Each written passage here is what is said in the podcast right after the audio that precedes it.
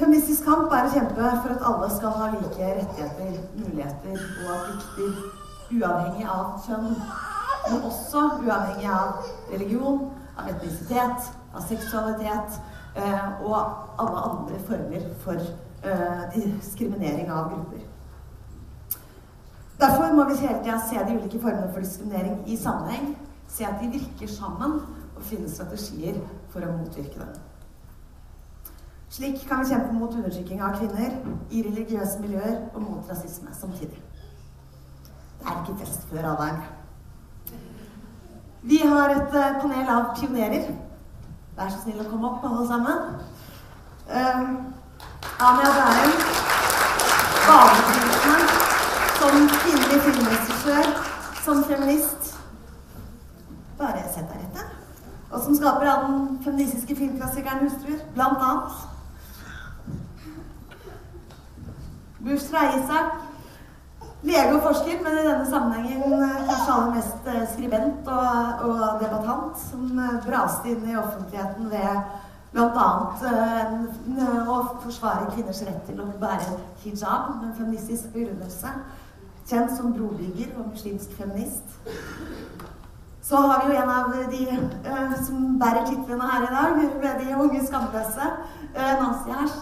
Uh, student, men, eh, men eh, et brak i offentligheten det siste året, må vi si. Eh, og Luka Espeseth, som jobber i FRI som rådgiver for kjønnsmangfold, men som også har vært en viktig stemme på spørsmål knyttet til kjønn og identitet i offentligheten i lang tid. Bl.a. ved å fortelle sin egen historie eh, som trans. Takk for at dere er her.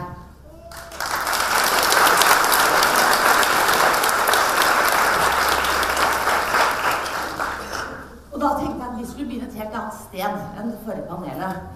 Eh, og gå et stykke tilbake i tid, til da du, Anja, bestemte deg for å bli filmregissør.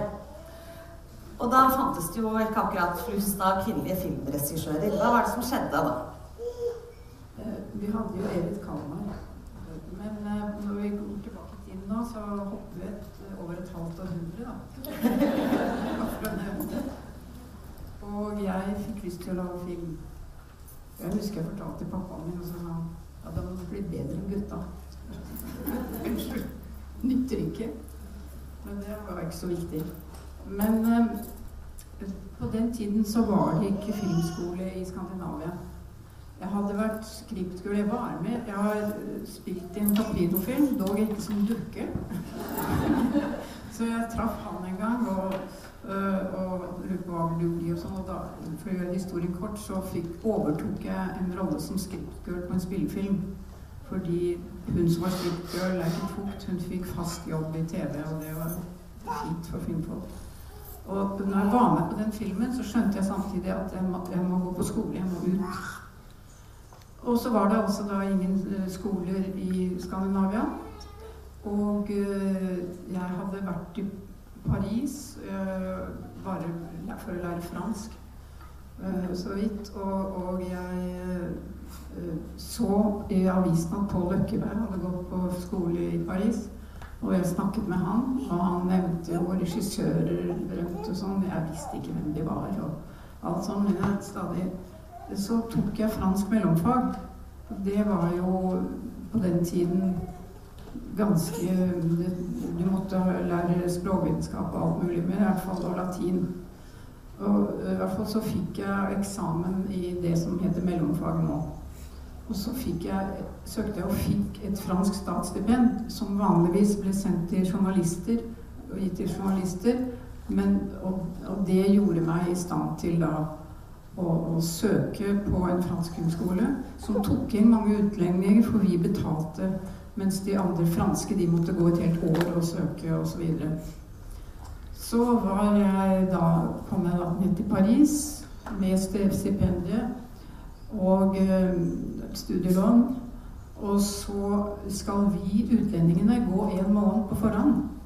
Og det var nok for å skjønne om vi kunne følge med i, på undervisningen på fransk.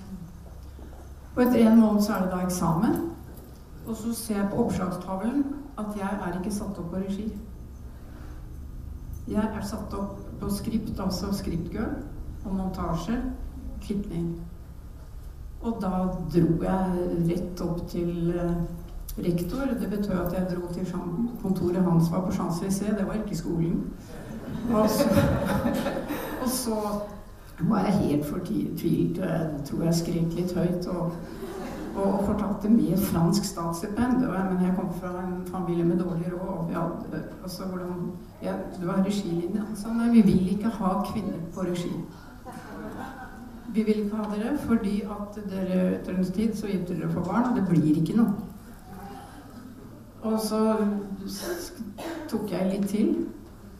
Ja, Hva sa du egentlig da? Nei, da, jeg, jeg, gråt vel ikke, men jeg skrek vel litt høyt. Og sa, sa at jeg tror det med fransk statsstipend gjorde inntrykk.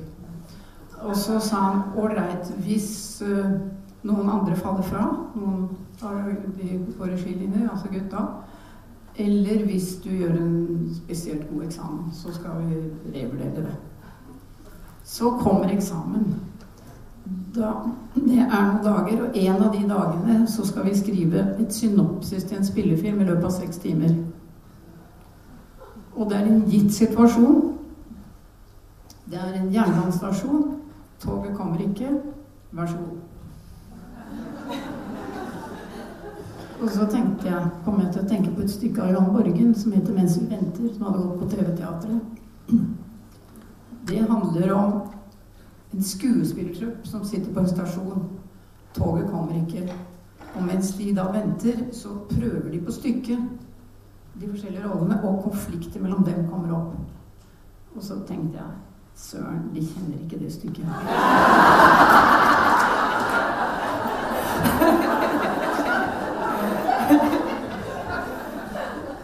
husker Larsen Nordrum hadde en av det, det, Nå kan man uh, få det på Nå ligger det ute fra NRK.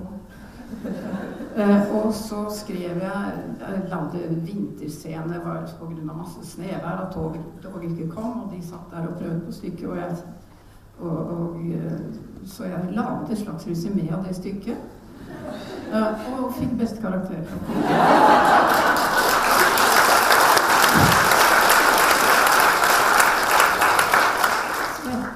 Så jeg gikk meg inn. Jeg må også si at når jeg da kom tilbake til Oslo, så oppsøkte jeg Johan Morgen og fortalte om det. Han het Henrik. Han, han, hadde alltid vært mot brukskunst, men det sånn var det. Så, men selve skolen var jo slik at, at de forskjellige De som gikk på den skriptmontasje, og de som gikk på fotolinjen de, vi hadde jo timer sammen, så jeg var ikke den eneste jenten blant uh, alle disse uh, så, så, Og det var en veldig spennende skole fordi det var folk fra forskjellige nasjoner. Det, det var, jeg husker spesielt at vi, når vi første året skulle lage en, en, film Vi fikk utdelt manuskripter som hadde vært filmet. Teaterstykker vi kunne velge. Det var 'Sauterus for lukkede dører', og det var en Jeg fant et en film som het Therese Desquerot, etter, etter Mauriac. Og da var, vi, da var det én fra Tunis, og så var det en fra Venezuela. Og så var det meg som laget da Og det, det, var veldig spennende å se hvor altså hadde han adaptasjon, hvor forskjellig det var.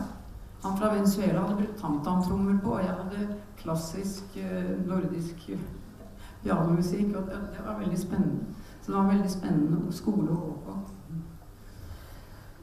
Men så kom du tilbake til Norge, og øh, du har sett på forhånd at du, at lever 70-tallet som en periode der det var øh, egentlig et vært øh, ganske gode muligheter for kvinnelige regissører i Norge?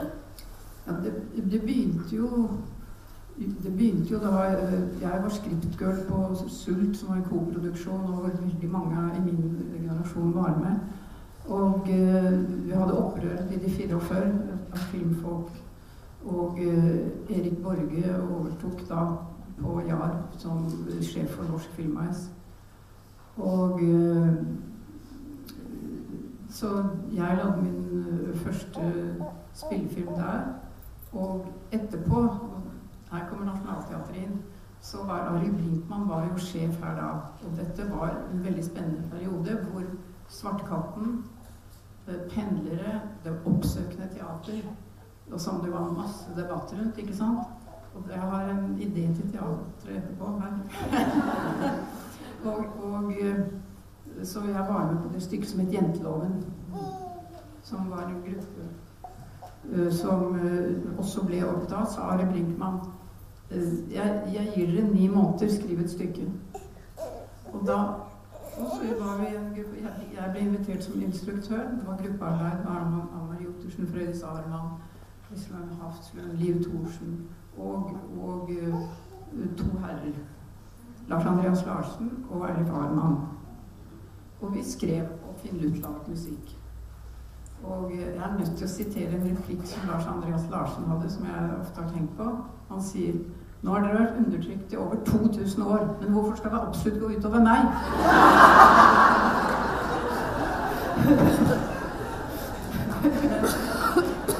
Men jeg mener at skuespillere og som, Jeg var jo ikke ansatt her. Og, og folk som ikke er ansatt her, burde, nå burde Nationaltheatret lage ny, et nytt jentestykke. Jente, tilsvarende.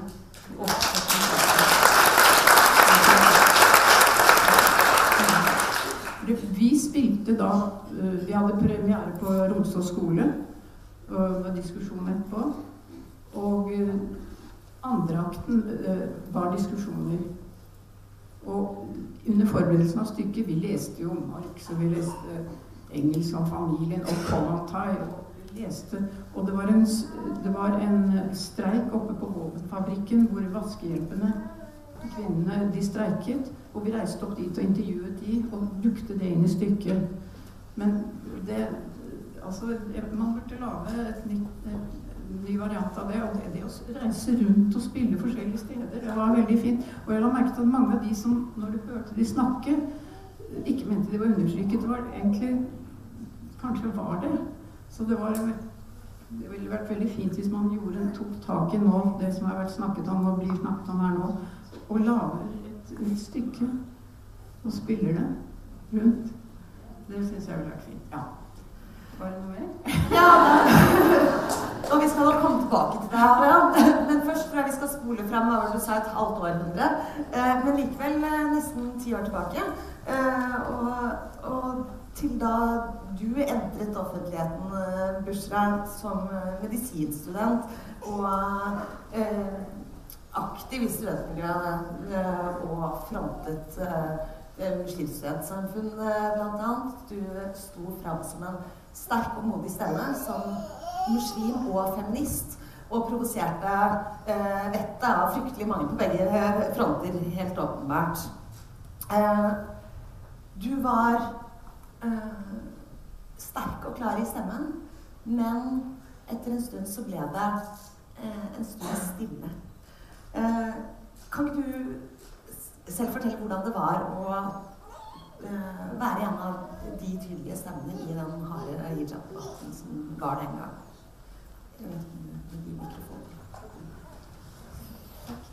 Um, altså, jeg, Det har gått snart ti år, det er helt uvirkelig. For jeg føler hele tiden at jeg, jeg har tvilt meg frem til nå. Eh, så jeg har aldri vært sikker på om jeg skulle fortsette, og så har jeg sikkert, sitter jeg her fremdeles. Eh, altså Det som var nytt i forbindelse med meg føler jeg, da, eh, som var en av eh, grunnene til at jeg provoserte veldig mange på en gang, eh, var nettopp at eh, man hadde noen stemmer eh, med eh, minoritetsbakgrunn. Men det var utbryterne, og det var folks kvinner som ikke lenger ønsket å identifisere seg med islam, og hadde påpekt det man vil kalle ukulturen. Men Problemet med kvinner som meg, eh, vil jeg si at altså, eh, majoriteten av muslimske kvinner, hvis vi ser på de undersøkelsene som foreligger både nasjonalt og internasjonalt, bl.a. utført fra World Gallup Pool, er at majoriteten av muslimske kvinner vi ønsker en forankring i vår tro. Og så ønsker vi å kombinere frihetsidealene våre med den islamske troen. Eh, vi, det betyr ikke at vi eh, fraskriver eh, kuelse eh, og urett begått mot kvinner i vårt eget miljø, men vi ser eh, på, eh, på, disse barrierene som til å være betinget i noe annet enn religion. Eh, og det var veldig eh, Det var nesten sånn eh, Jeg kunne ikke si det. Altså, religion handlet om noe som var forbundet med dogmatisme og ukultur og eh, Det kunne bare ikke forenes. Og det at jeg i tillegg brukte de klassiske kvinnesaksargumentene, det provoserte faktisk også Altså, jeg ble omfavnet av eh, Norsk kvinnesaksforening eh, i 2000 elleve med å bli benevnt som en av pionerkvinnene. Men i starten så var jo de en av de som var mest provosert eh, over at jeg kunne eh, altså få en definisjonsmakt på hva frihet var. Eh, og jeg skal ikke si at jeg bare ble eh, møtt med motbør. altså Jeg fikk jo Fritt Ords ærespris som den yngste, og det var noe helt utrolig. Da Frankie Seierstad ringte til meg, så trodde jeg det var VG, så jeg hadde avvist eh, telefonen to ganger. For da hadde jeg tenkt å gi opp, for jeg orket ikke det tullet. Jeg skulle bare være medisinstudent og bli lege, og så skulle jeg ikke ha noe med dette her å gjøre. Og så fikk jeg en melding etterpå, da. Så, men, eh, så jeg ringte opp likevel. Og, og, og det, men det sier noe altså, Så jeg, jeg vil jo si at jeg sitter her fordi det er en opinion eh, som ønsker å lytte til kvinner som meg likevel. Eh, men det som er noe av problemet, som jeg fremdeles sitter inne med, er mangel på den selvrepresentasjonen. For jeg vil på en måte med livet mitt holdt jeg på å si, forsvare kvinner som Nancy, og alle kadre har gjort en kjempeinnsats. Altså, det er så givende å lytte til henne. For, eh, altså, denne kampen blir man aldri ferdig med. Men det er så veldig viktig at vi kan forsvare hverandres rett til å definere oss uten å underminere vår egen integritet. Eh, at vi eh, istedenfor å kjempe kampene for hverandre, eh, fasiliterer en integritet hvor alle kan definere sin egen kamp. Og det tror jeg er veldig viktig. Og der, der, mangler muslimske kvinner i dag en selvrepresentasjon i norsk offentlighet. Altså, sta, eh, Fritt Ord eh, finansierte en undersøkelse eh, som het Status ytringsfriheten, og der ma, sier man tydelig at kvinner som er eh, forankret i islamsk tro, mangler en selvrepresentasjon.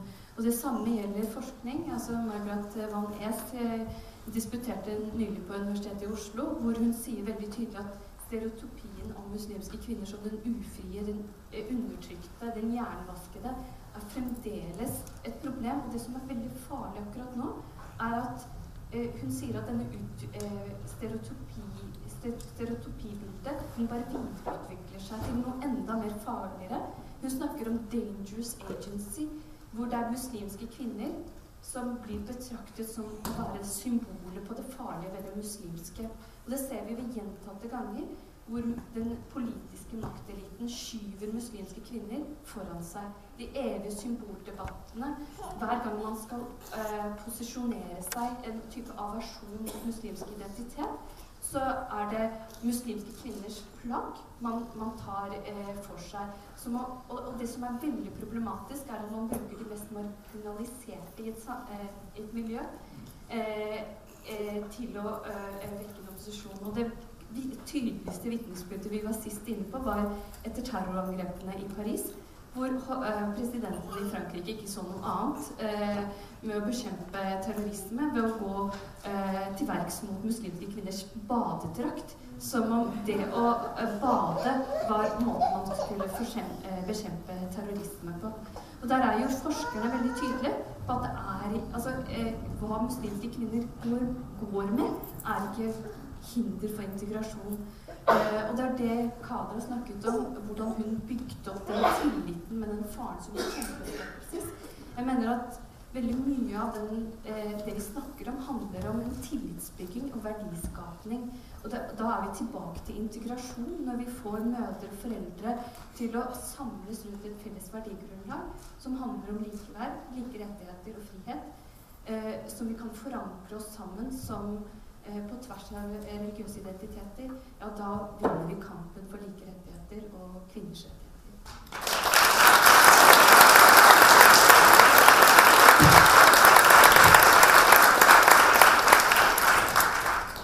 Luka Dalen Espeseth. Eh, du satte meg på forhånd at i løpet av 20 år som jente og kvinne i denne verden, så har du ikke tall på antall ganger du har opplevd å få uønskede kommentarer på kroppen din, eller hvor mange ganger andre mennesker har tatt på deg mot din vilje. Eh, likevel så har du valgt å stå i den uh, offentlige debatten med eh, hud og hår og, og blod og smerte. Og bruke deg selv som eksempel i en politisk kamp for bedre rettigheter for transpersoner i Norge. Hvordan har det vært? ja, det har vært for meg veldig fint. En veldig empowering opplevelse.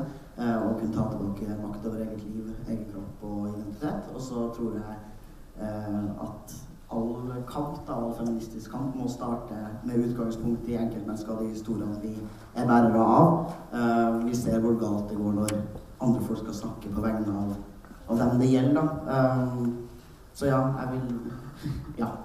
ja. uh, men det har har til tider også vært eh, kontroversielt i den, eh, i den, klassiske kvinnebevegelsen. Eh, og hvordan man skal ta inn over seg både et skjevt perspektiv og transkvinner spesielt. Hva tenker du om det? Jeg tenker at øh, kvinnekamp har vært viktig, og den feministiske kampen er viktig, men jeg tror at man skal være flinkere på å gå i seg selv og tenke på hvem det er som har makt innenfor også den bevegelsen. Uh, og det å um, tro at man kan diktere hva slags kropp andre mennesker skal ha, hva slags hodeplagg de skal ha, uh, og hva det er som er undertrykkende for andre folk. Det er en maktutøvelse. Man er nødt til å reflektere over hva man faktisk holder på med, for det er ikke, det er ikke greit. da. Og man må gjerne være liksom Eh, det er viktig å få med de folkene det gjelder på laget. Um, så skal man ikke være redd for å ta debatter og, og faktisk røre ting, men da må man ha snakka med noen det gjelder. Man kan ikke bare mene og synse ut fra eget liksom, følelsesliv alltid, tenker jeg. Ja.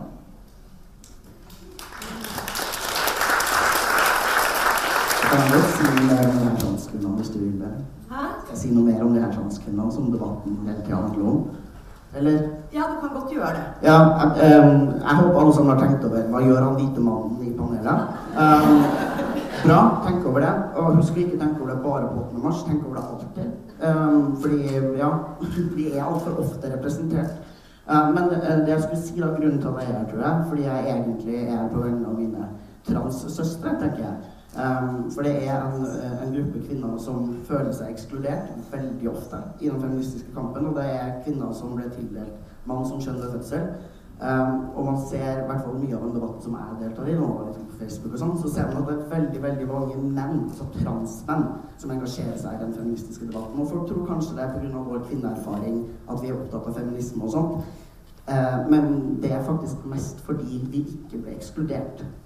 Og så har jeg masse transsøstre som blir ekskludert. Og det er sånn her, Jeg skal gjerne engasjere meg i den feministiske kampen, men i kvinnekampen har jeg ikke noe plass. Uh, den er mens man ekskluderer faktiske kvinner. Og det syns jeg det, det smerter meg. Liksom. Det syns vi skal være mer sånn så. Ja.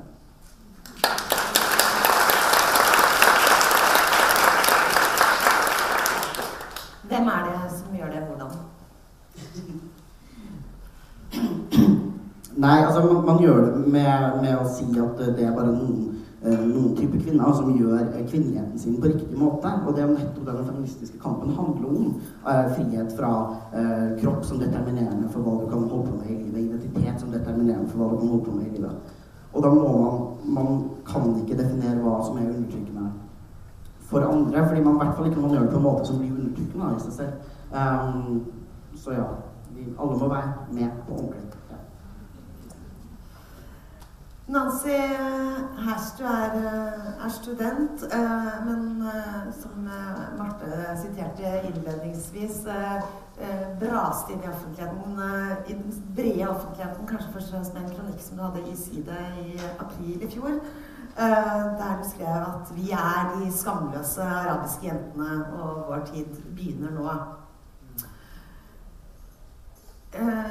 Du skrev mye i, i, den kronikken. av de tingene som jeg eh, merket meg med, eh, som er interessant også på en Bursdag snakket om, var at du skrev at eh, hvis jeg skriver om diskriminering i Norge, og det du ikke merket til er at jeg har en hijab på hodet, så har du ikke skjønt ideen om like rettigheter for alle.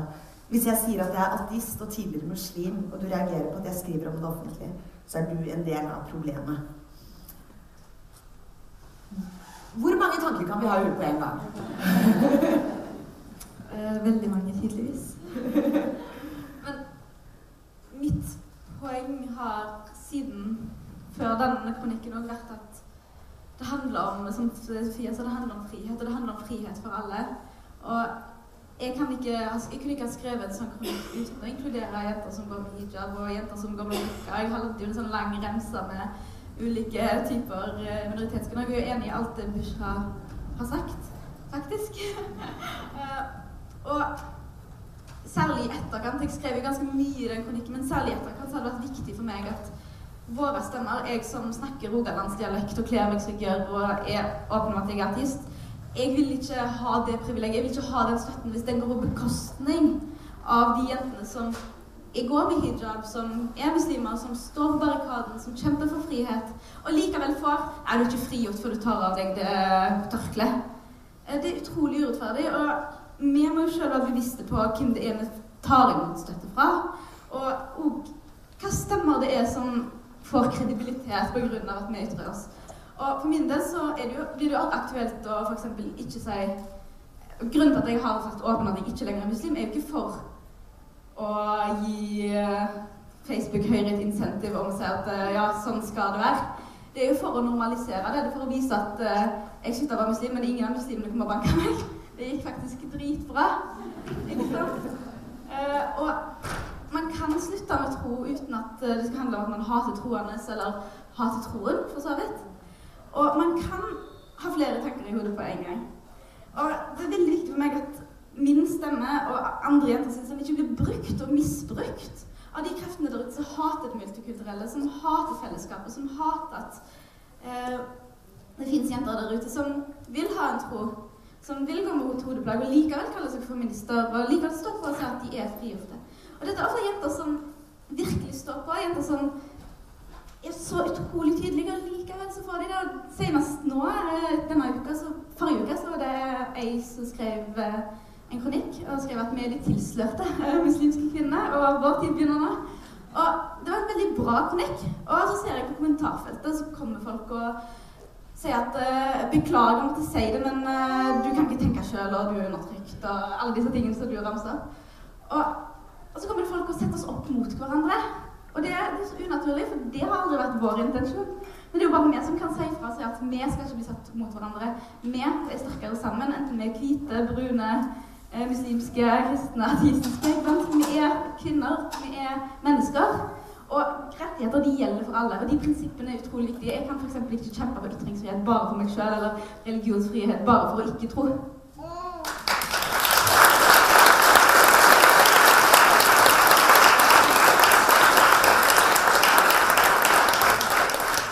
Det du sier, er veldig sterkt og, øh, og veldig prinsipielt.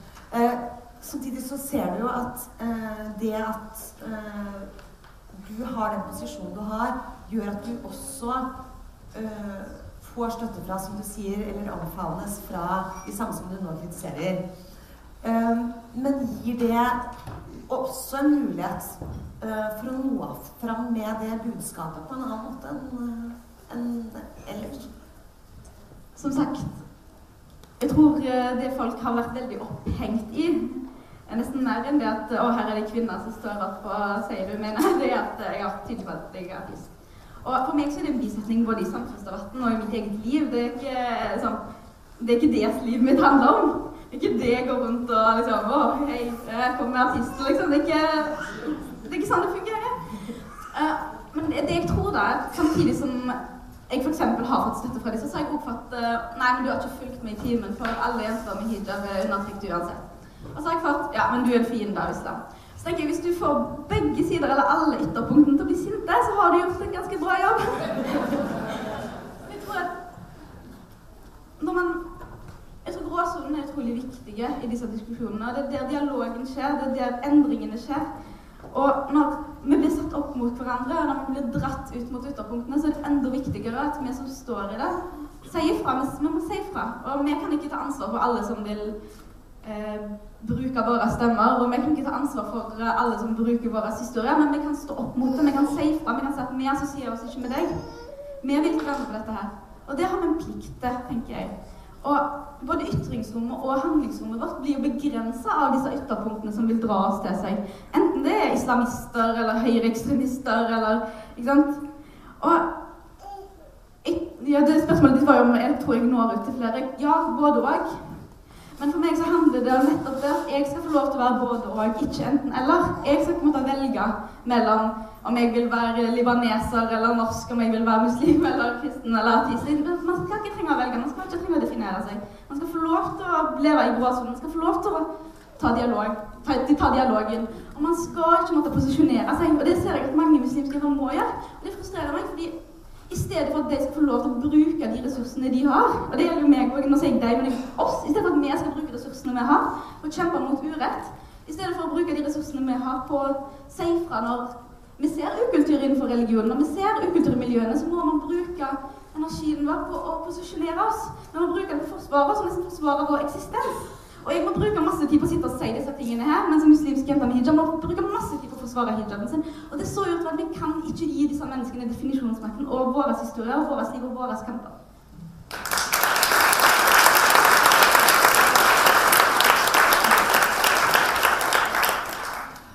Luka sa at uh, er en, at, uh, Jeg kjempet en feministisk kamp, men jeg opplevde ikke at det er plass til meg i kvinnekampen.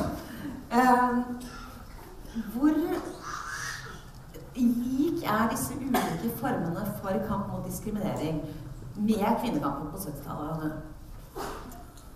Ja, det jeg vanskelig for å svare på, på en måte. Det er, det er stengsler begge på begge sider før og da. Uh, men du vet, på 70-tallet så var det var Altså all presse, mannlige journalister, kvinnelige journalister, så var det kvinnekamp. Altså det var jo Da vi laget 'Hustruer', så var det jo FNs kvinneår. Det visste jo ikke vi faktisk. Det skjønte jeg etter hvert. Og så, også at det var, en, det var en veldig frisk debatt og, og mange syn og mange så det var, det var, veldig livlig. Og uh, Det er jo ganske livlig å høre på Nancy her. Ja, veldig. Ja, jeg ser frem til den tiden som kommer nå. For nå kommer det, det er derfor jeg mener Nasjonalen må ta tak i en ny Altså, Jenteloven var jo en, en slags uh, replikk til Sander Bostes janteloven, ikke sant? Du skal ikke tro at du er noe, du skal ikke altså, Så du skal tro at du er noe. Du skal, altså, så det var nå det. Men uh, men jeg tenkte jeg, nå begynner debatten, og nå begynner så nå, takket være dere, så blir det liv i, i kvinnesaksdebatten igjen. For meg, syns jeg. Og, men det er jo mange ting som den gangen man slåss for, som er blitt uh, alminnelig i dag. ikke sant? Men, altså, du ser jo pappaer som tryller barnevogner. Du gjorde det jo ikke på den tiden. Altså, det, ser, veldig mye har skjedd, da. Men uh, jeg tror at uh, Ja, jeg tror vi trenger en ny kvinnekamp på samme måte som det var da. Det, det, det, det, kjennes slik. Jeg så la merke til parolen i toget i dag. Så var det veld, veldig mye lokalt og norsk, og litt lite tenkt utover da, i verden, syns jeg. To paroler som var så det er veldig vanskelig spørsmål å svare ordentlig på. Men eh, det, er, jeg synes det blir veldig fint hvis det er fins denne heten i debatten, og at det, eh, menneskers liv avhenger av hva vi nå finner frem til. Men det jo, er jo også avhengig av hvordan det går med, med samfunnet vårt ellers, og hva som skjer ute i verden, og hvilke tendenser som er dugget opp som er veldig farlige. Så, så det, er, det, er så stort spørsmål. Jeg klarer ikke å svare ordentlig på det. Men jeg har lyst til å si en ting, og det var at på 70-tallet så var Norge det landet Sent 70-tall, 80-tall. Så var Norge det landet i verden der det var lettest for kvinnelige regissører å slippe til. Og hva hadde det med å gjøre? Jo, nemlig at uh, f.eks. Sverige hadde hatt en Gullader.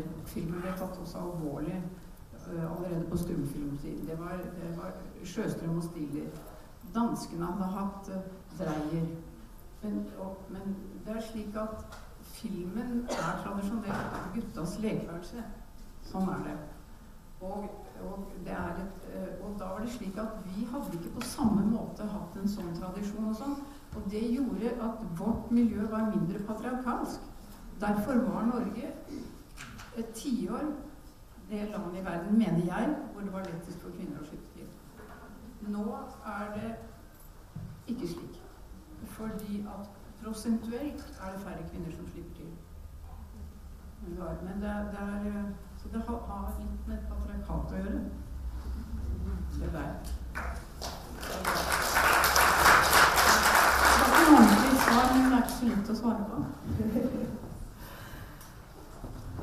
Ja, forstå. Ja, altså jeg har bare lyst til å si eh, for litt det du var inne på, Nancy var inne på. Altså, eh, Nancy og de skamløse er veldig sterkt omfavnet av majoritetssamfunnet, og det fortjener de.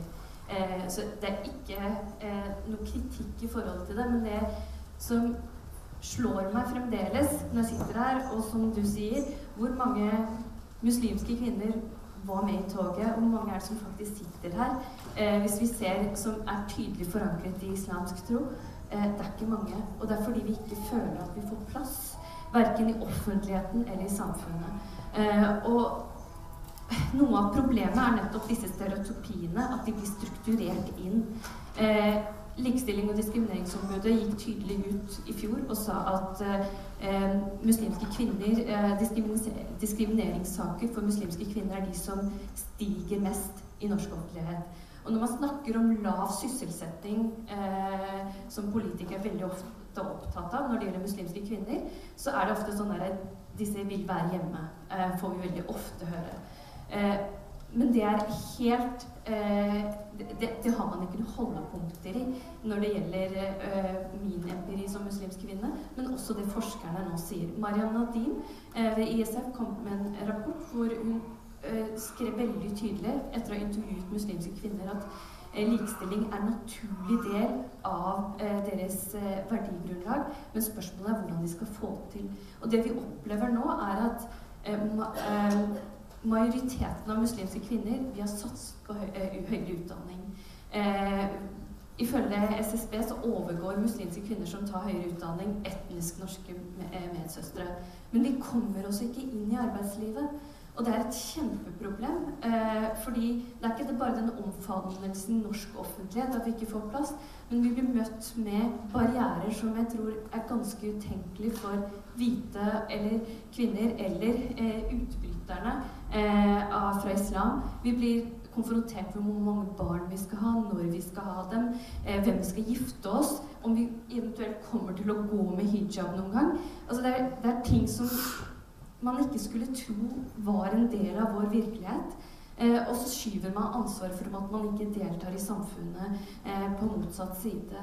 Eh, og, og, det som bekymrer meg veldig, fordi jeg har kalt det en strukturering av negative holdninger mot muslimer, eh, muslimske kvinner Og når jeg snakker om strukturering, så mener jeg at det går fra å handle om myter og fordommer til en systematisk diskriminering, som LDO påpeker, med de diskrimineringstallene de har, til det verste ytterpunktet som eh, jeg syns er veldig, problem, uh, veldig ja, vondt. Uh, og det handler om hatkriminalitet. Og i Norge så fører man ikke noen nasjonal statistikk over hatkriminalitet på minoriteter. Men man vet veldig tydelig fra Storbritannia og USA at hatkriminalitet mot muslimer er økende. Uh, og det ene er at man ikke har handlingsplan mot islamhat. Men det andre er at myndighetene ikke gidder å engang føre statistikk over hatkriminalitet mot muslimer. Eneste, de eneste tallene vi har, er Oslo-politiets uh, ha, uh, hatkrim, som kom ut med en uttalelse om at uh, muslimer var overrepresentert. og blant de muslimene så er det muslimske barn og kvinner som er særlig utsatt. Eh, og hvor går vi som et samfunn hvor eh, muslimske kvinner verken får like rettigheter når man blir systematisk diskriminert, og også har en, eh, en type underreminering av vår eksistens når man er utsatt for vold i det norske samfunnet. Og da tenker jeg at i 2017 så bør, bør man i hvert fall tenke på litt, mer, litt bredere allianser enn det man har gjort eh, hittil, og det man gjør faktisk i dag.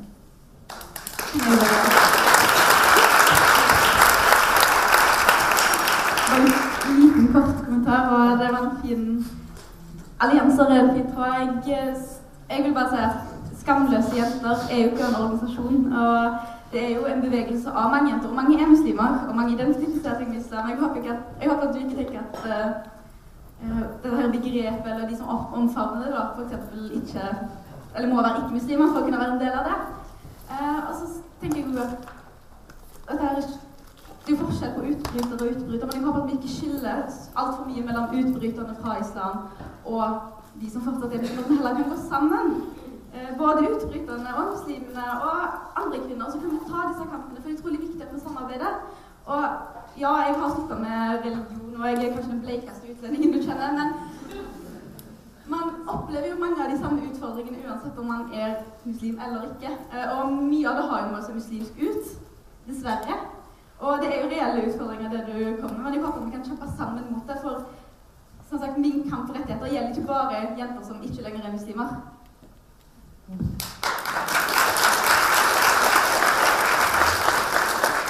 Luka, kort til slutt, du jobber jo også politisk eh, som ansatt i den skeive bevegelsen. Klarer de ulike eh, antidiskrimineringsorganisasjonene Eh, å jobbe sammen? Hvordan gjør det fremover? Ja og nei. Eh, vi har blitt mye flinkere på det. Og, men det er en jobb som stadig må skje, og som må pågå. Eh, og så tenker jeg at eh, det, det, skal, det, er mye for langt da, av noen å skulle tilhøre liksom 1, 2, 3, 4, 5, 6 forskjellige diskrimineringsgrunnlag eller minoritetsgrupper eh, og klare å få en stemme i samfunnet. Men eh, det er en grunn til at jeg snakker veldig høyt om å være trans i norsk offentlighet uten noe særlig stigma rundt det. Det er fordi jeg også er hvit og mann uh, og liksom har en del, del privilegier i sekken. da. Uh, men jo flere som liksom skaper det rommet, og når vi klarer å se hverandre og skape de her alliansene, så vil man også gi rom til de stemmene som, som endelig har fått en plass. Og jeg, tror, jeg har veldig tro på at vi skal få det til. Altså det gjør vi. Men det er bare det er en utfordring, selvfølgelig. Men det jobber vi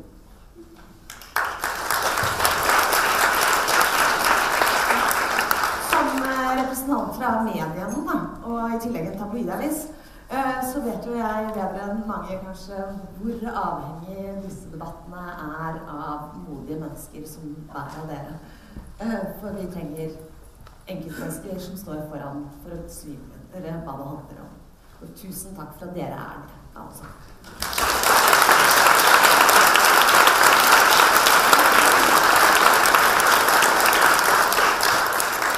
står det igjen bare to ting. Det ene er å gratulere med dagen. Det er en eh, festdag for å feire det som er oppnådd, og det er en kampdag for det som står i brukten vel. Og hvis dere får litt tid til overs, har jeg lovet å legge en liten uh, reklame på slutten for uh, Agenda Magasins uh, og Kjønnsavdelingens nye podkast om kjønn og likestilling så Madeleine kanskje er fransk. Der, ja. En gravid dame som sitter her, vet du.